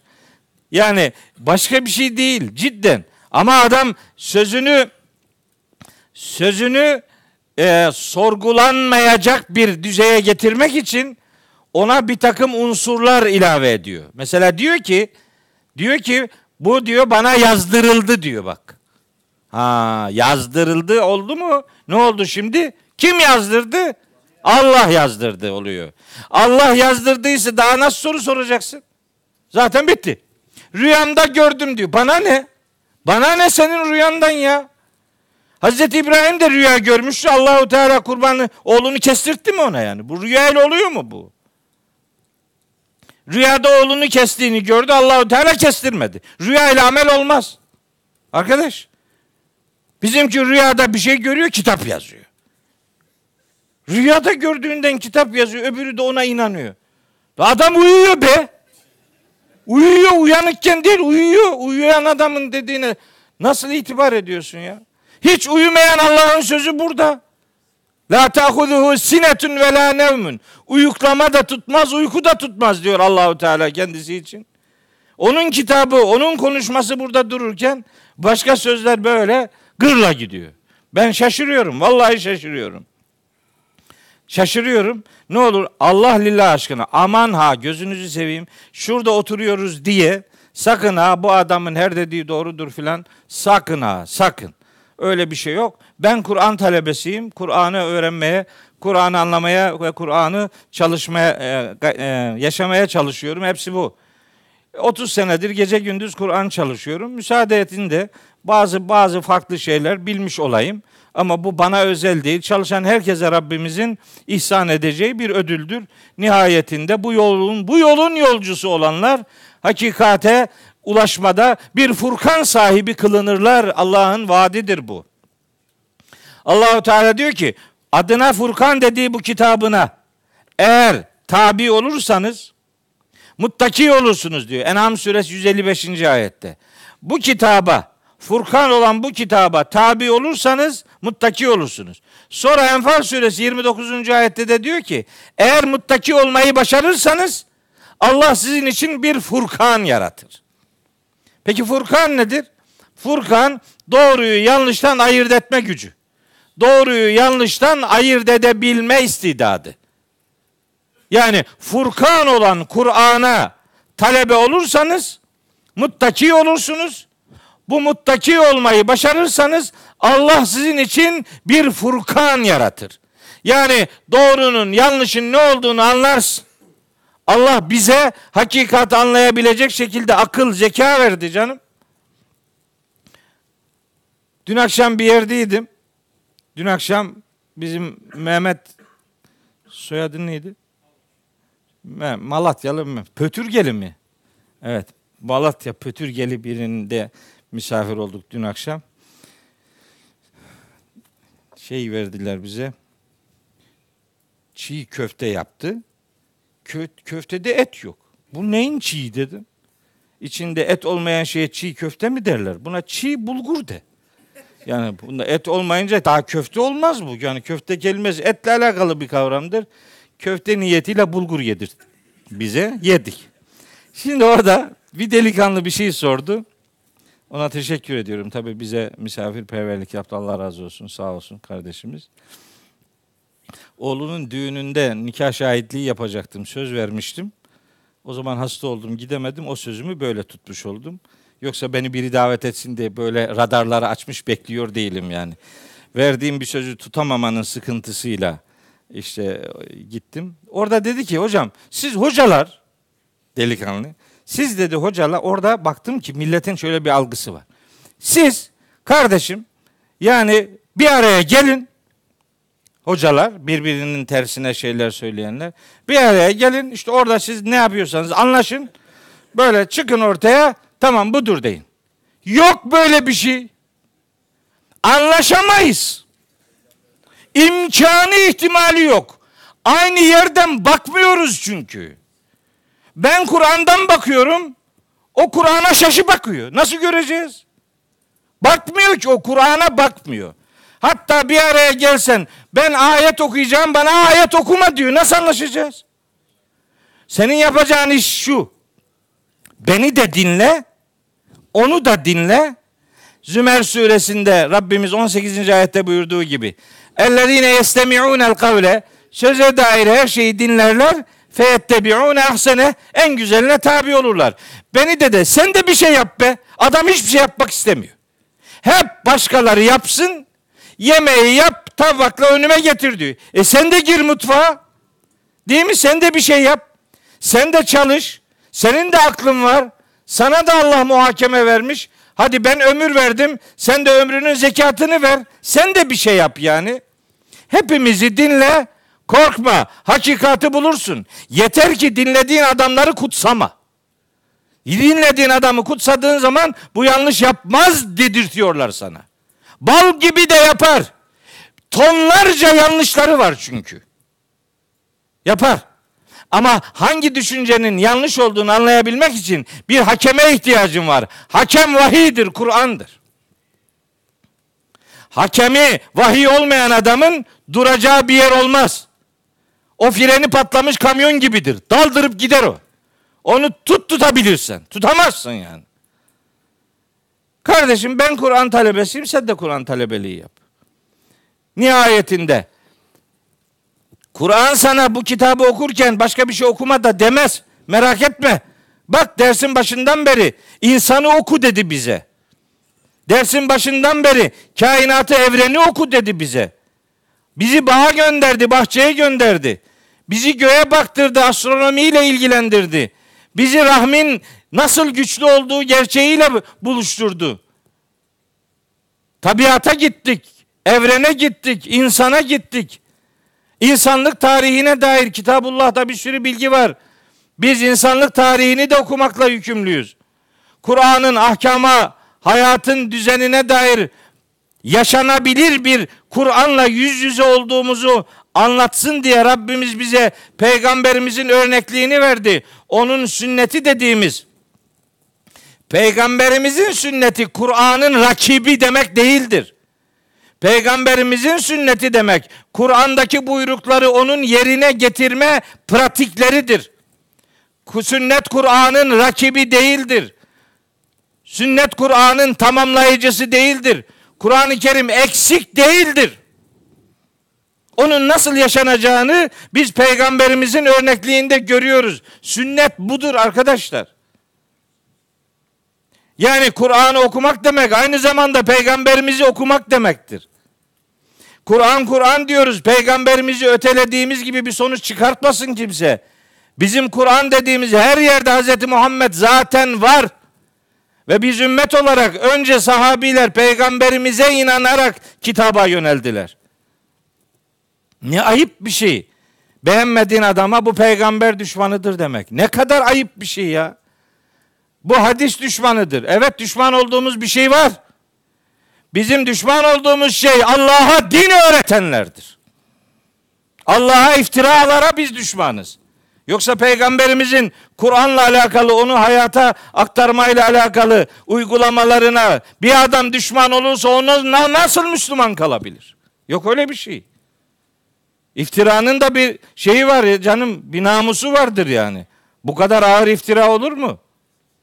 Ben her zaman söylüyorum. Bana ne zarar verirse versin ona. Hakkımı helal ederim her kimse. Ama kim benim peygamber sevgimle alakalı bir şey söylüyorsa hakimi Allah olan mahkeme-i kübrada onlarla yüzleşeceğiz.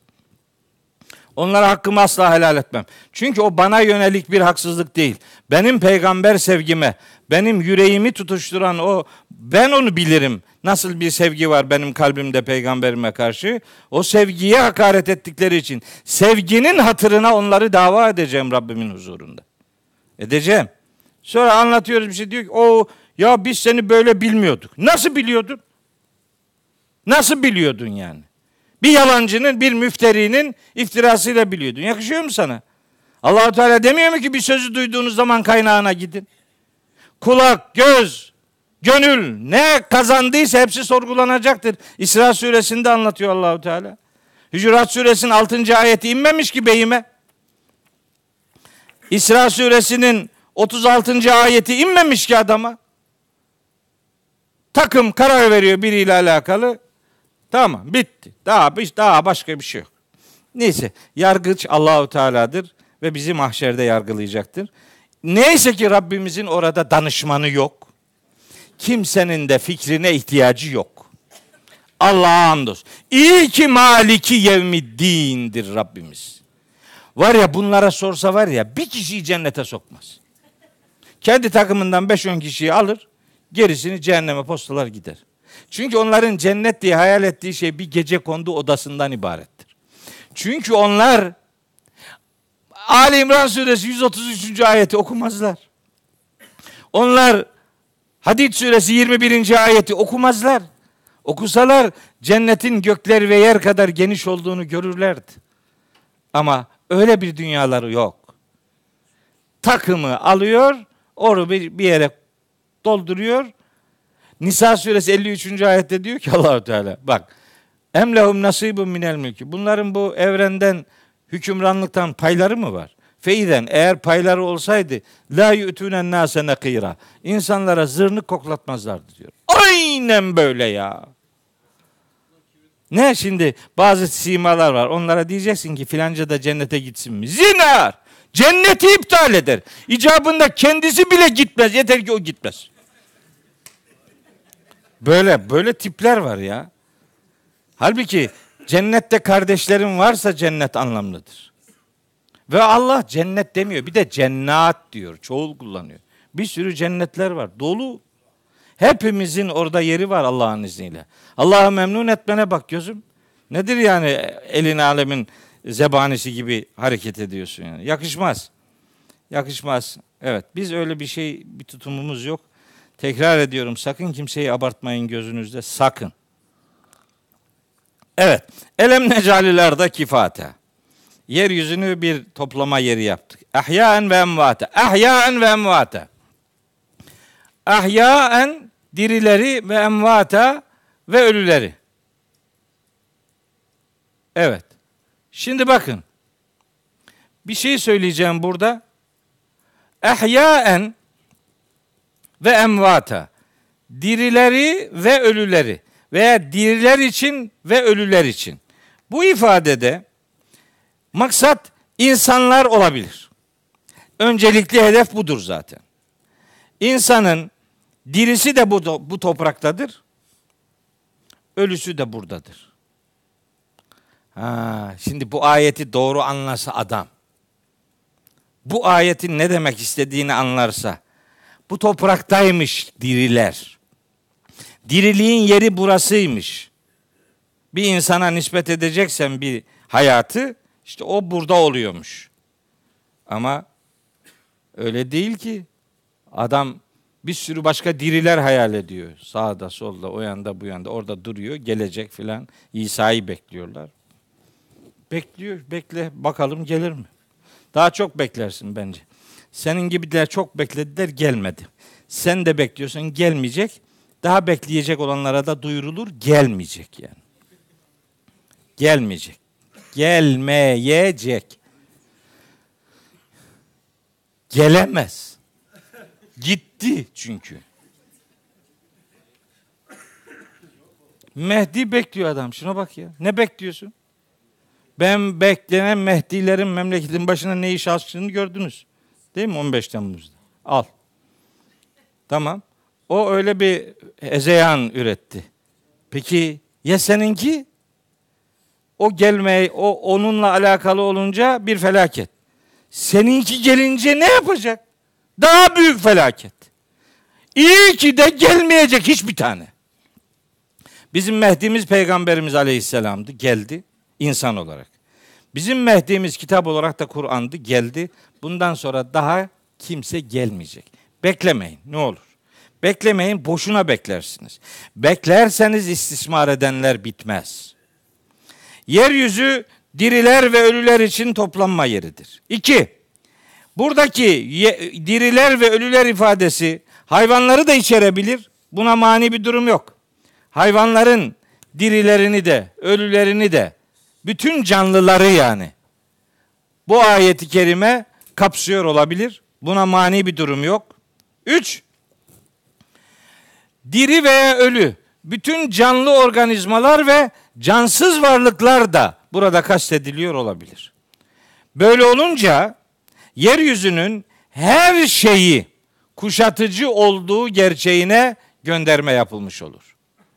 Elbette ayetin birinci mana açılımı insan dirileri ve ölüleriyle ilgili olandır. Ancak ehyaen kelimesi nekire kullanıldığı için yani başında belirteç edatı olmadığı için yani ehyaehum ve emvatehum diye belirteçli bir kullanım veya el ehya'e vel emvate gibi başında bir eliflam bulunmadığı için nekire bir kullanım söz konusu olduğu için burada umumi bir mana arayışı metne uygun bir arayıştır. Bunun için insanların kastedildiğini söylemek birinci öncelik arz etse de bunun ikinci sırasında diğer canlıları düşünmekte de bir sakınca yok. Hatta emvaten kelimesini öldükten şey hayattan sonra ölen manasına almak doğrudur ve fakat henüz hayata gelmeyen, hayata gelmeyecek olan şeyler için de ölü kelimesi kullanılır. Öyle olunca da cansız organizmaların da ayeti kerimenin anlam dünyasında bulunduğu çok rahatlıkla söylenebilir. Bunu söylemenin herhangi bir kısıtlayıcı unsuru yoktur.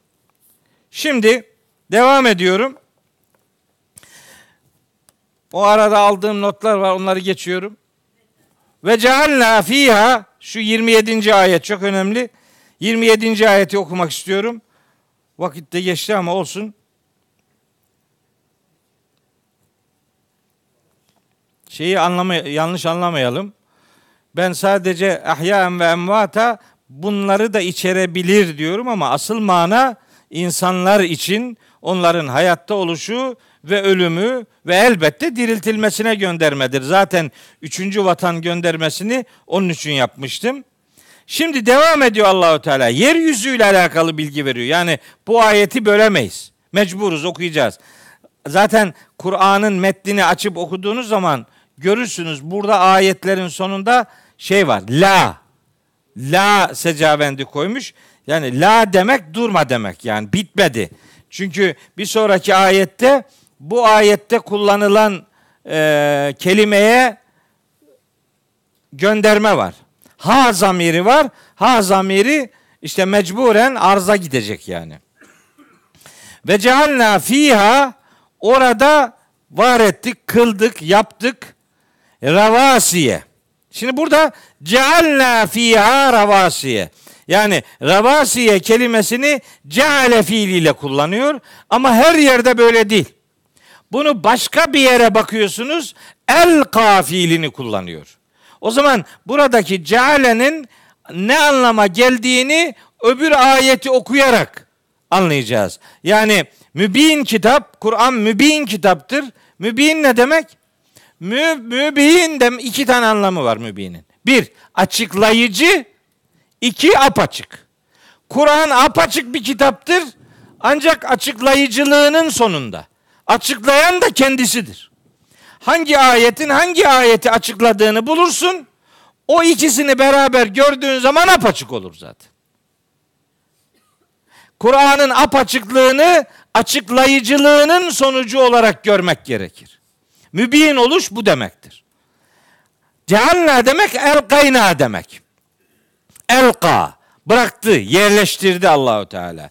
Fiha yeryüzüne ne yerleştirdi? Ne yerleştirdi? Ravasiye. Ravasi yerleştirdi.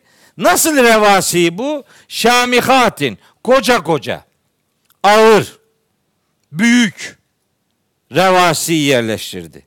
Şimdi bu ilk bakışta hani böyle bir detaya girmeden yahut da bir sadece bir meal okuyuşuyla düşündüğünüz zaman burada ister istemez her okuyanın aklına önce ve cealna fiha ravasiye şamihatin denince yeryüzündeki dağlar anlaşılır. Büyük, koca koca dağlar. Değil mi? Yani zaten tercümelere baktığınız zaman da büyük oranda bunu görürsünüz.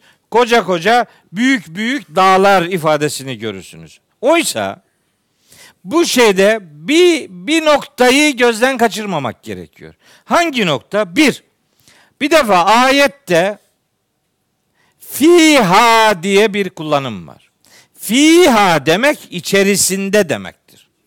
Demek ki içindeki bir şeyden söz ediyor.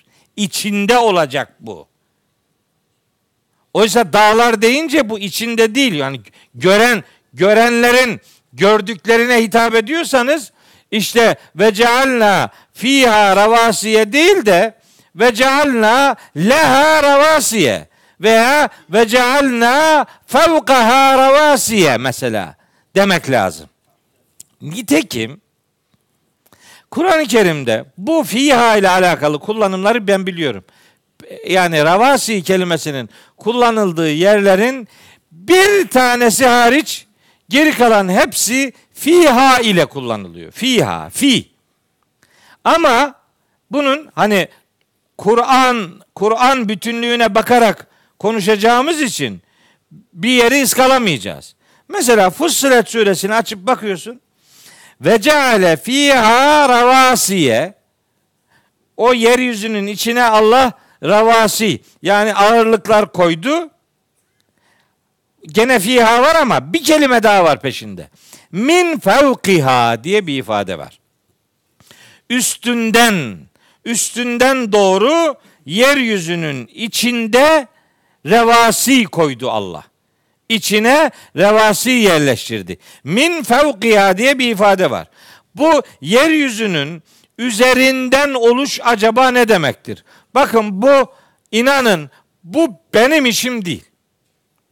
Bunu ben şu anlama geliyor diye kestirip atamam. Bu bilim insanlarının işi. Bu artık atmosferle alakalı bir şey midir? Yer kabuğunun derinliğine doğru, ta üstünden içeriye doğru bir kuvvete mi işaret ediyor? Bu kutup bölgelerindeki basıklığı mı anlatıyor vesaire. Bu benim işim değil. Bu kimin işi? Bu jeologların işi. Bunu onlar bilirler. Bu kitap onların da kitabı. Bu ayeti onlar benden daha iyi anlarlar. Yeter ki bu ayetle okusun. Mesela şeyde geçiyor. Hani ayeti görelim ona göre. Geçen ders insanın yaratılışıyla alakalı burada bilgiler verdim. O kadar mutluyum ki o kadar mutluyum ki hani dediğim her şey doğrudur türünden bir iddianın sahibi değilim. Hafta boyu 15 gündür beni çeşitli tıp insanları telefonla aradılar. İnsanın ana rahmindeki gelişim süreciyle alakalı özellikle üç karanlığın ne olduğu ve yaratılıştan sonraki yaratılışa geçmekte insanın ana rahmindeki üç yaratılışın ana kategorilerini anlatan bir sürü metin, bir sürü makale gönderdiler bana. Benim zaten amacım buydu. Benim amacım, amacım bilim insanlarının bu kitapla irtibatı olsun. Onların benden çok daha iyi anlayacağı ayetler var. Onlar anlarlarsa ben daha büyük mutluluk yaşarım.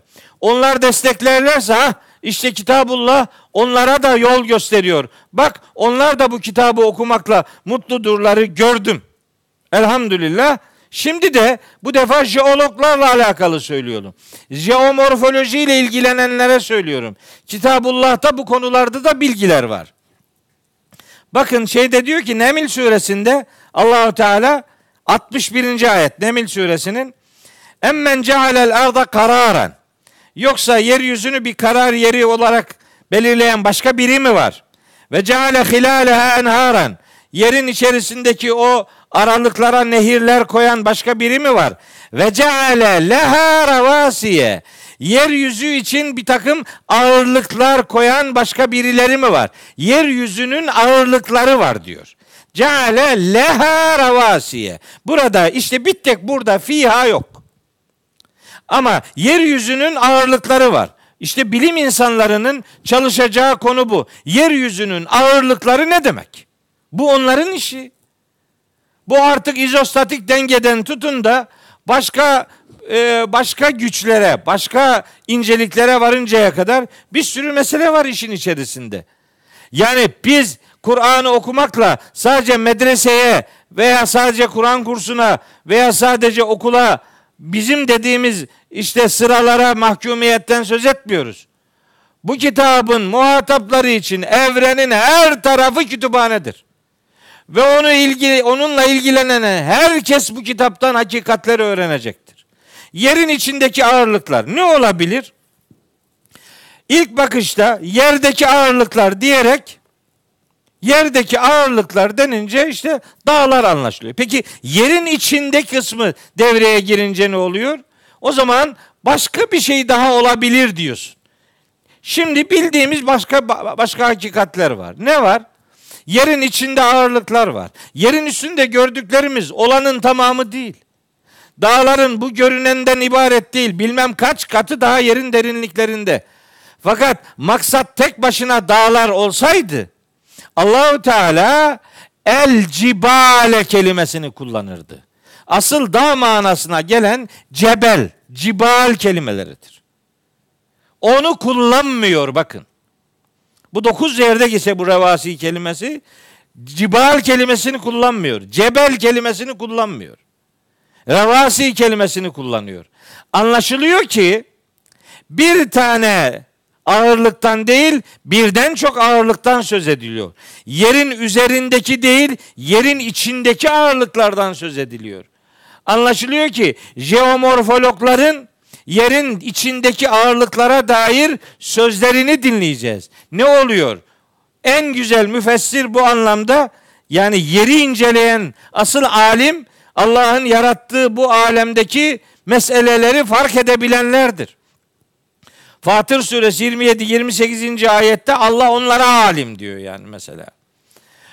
Öyle bir iletişim, öyle bir incelemenin sonunda anlaşılıyor ki yerin içinde ağırlıklar var. Biliyor musunuz? Çok daha önemli bir şey size söyleyeyim. Kur'an-ı Kerim'de dağların yere, yerle ilişkisini anlatan çok ayetler var da iki tane ayet çok çarpıcı. Bu ayetlerden biri vel cibale evtaden Nebe suresi 7'de geçiyor. Cibal ve evtat. Evtaden çakılı kazıklar olarak demek. Çakılı kazıklar olarak Allah'ın dağları yarattığını söylüyor. Nebe suresi 7. ayet. Bir de bir sonraki sure Naziat suresinin 40 ee, vel cibale ersaha kaçıncı ayet?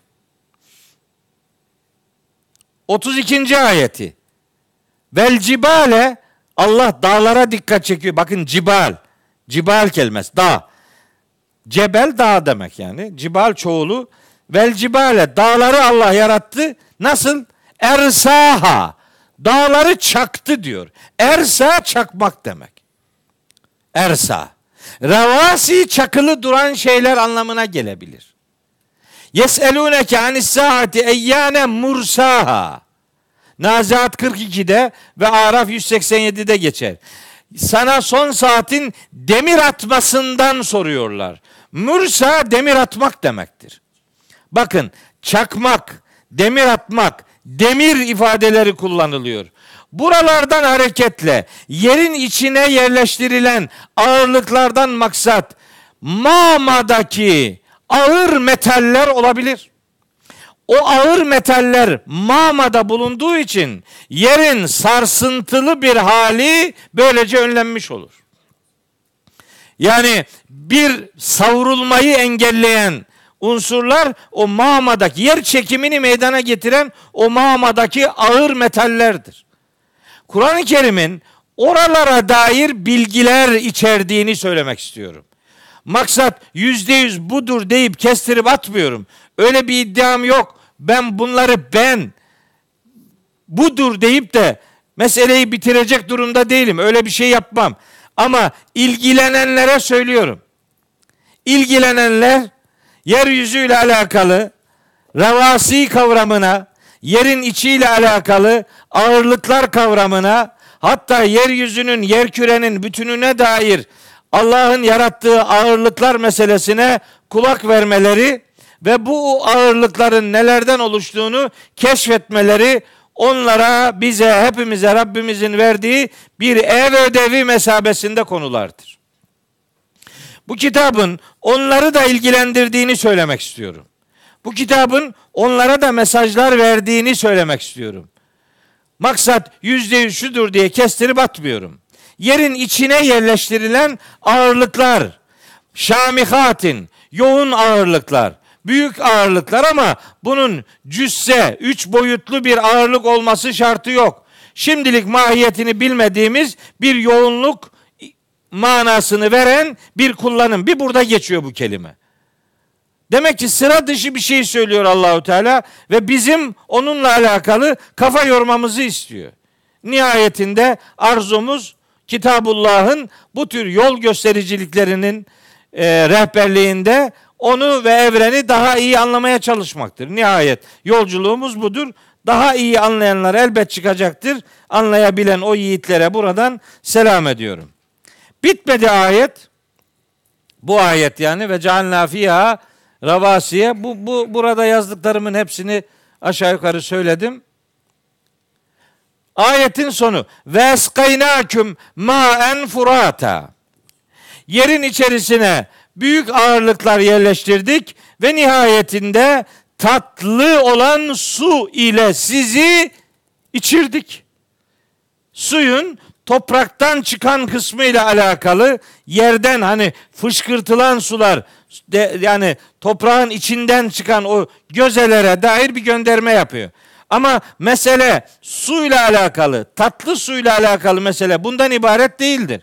Mesela yağmur tuzlu değildir. Ama yağmur sularının oluşturup da deniz meydana getir diyorsa deniz tuzludur. Hadi bakalım bu tuzun aslında kaynaklandığı mesele nedir? Bu da o alanla ilgili çalışan bilim insanlarının cevabını vereceği bir konudur. Kur'an bize der ki tatlı su var, tuzlu su var.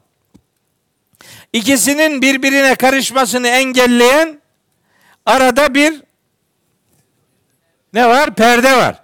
Engel var. Bu Furkan suresinde işte e, Rahman suresinde Allahu Teala ona dair bilgi veriyor. İkisinin arasında engel var. Birbirine kavuşuyorlar ama karışmıyorlar. Ha, bunun ne olduğu bilim insanlarının konusudur. Onlar bununla alakalı çalışma yapacak. Allah'ın sanatını orada keşfedecek, müşahede edecekler. Nihayet onlara dair de Kitabullah'ta bilgi var. Azbun furatun asıl söylemek istediğim şu. Allahu Teala bir taraftan suya dair bu muhteşem özelliği dikkate getiriyor. Sonra diyor ki bak. Fatır suresinin 12. ayeti. Ve ma yestevil behrani. İki deniz bir olmaz. Hada azbun furatun. Bu bir tanesi azbun tatlı. Furatun o da demek yani. Fırat, Furat. O Fırat, Furat bu, bu, bu kelime yani. Tatlı su. Saygun şerabuhu işte onun içimi işte susuzluğu giderir. Biri tatlı sudur. Ve hala öbürü de milhun ucacun. Tuzlu ve acıdır. Ve min küllin tatlısından da tuzlusundan da bak.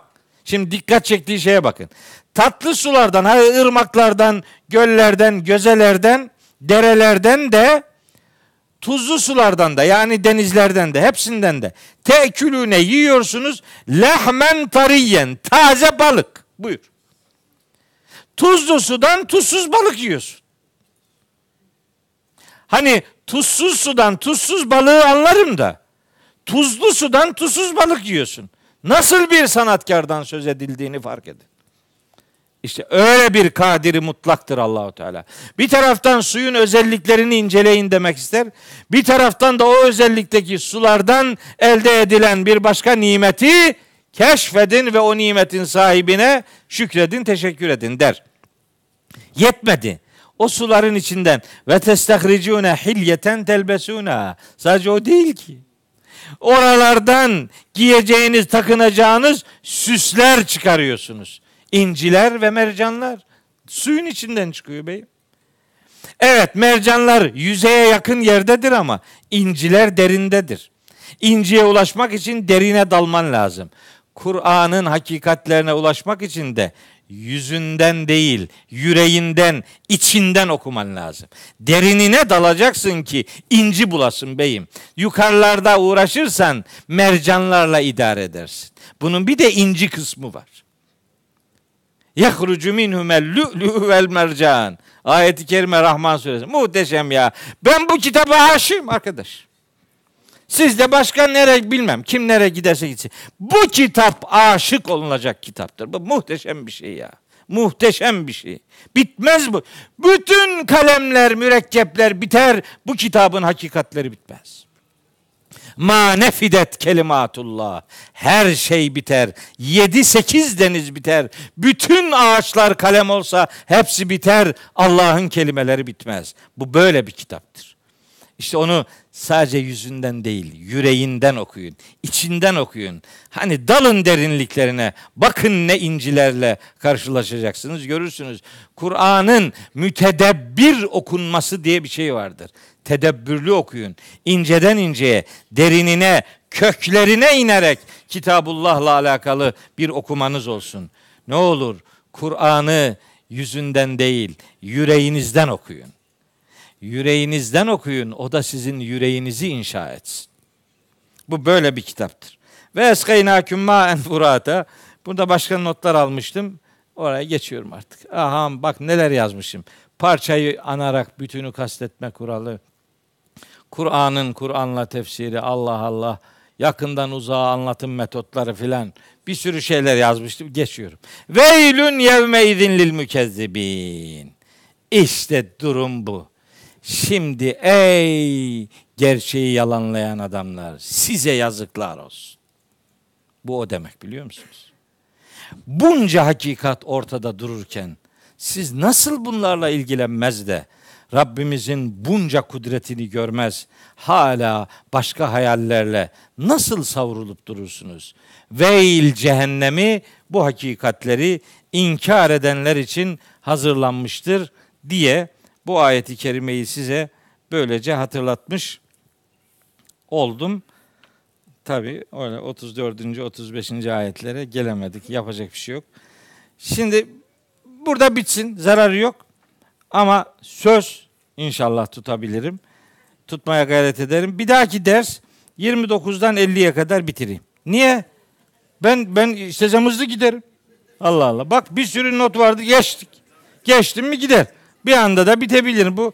Burayı bölmeyelim. Niye? Önce cehennemliklerle alakalı acayip şeyler söylüyor. Sonra cennetliklerle alakalı muhteşem cümleleri ve e, müjdeleri var. Sonrasında da nasıl bir insan profili beklediğini Rabbimiz surenin sonunda söylüyor. İnşallah 5 Ocak'taki dersimizde nasip olursa bunları sizlere 29. E, ayetten itibaren aktarmaya gayret ederim. Tabi ders çok uzun sürdü. Saat 1, 1 bile geçti. Sabrınızdan dolayı hepinize teşekkür ediyorum. Allahu Teala elinizi ve yüreğinizi ebediyen bırakmasın.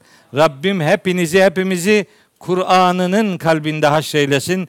Kur'an'ına kurban olanlardan eylesin. Allah'a emanet olun.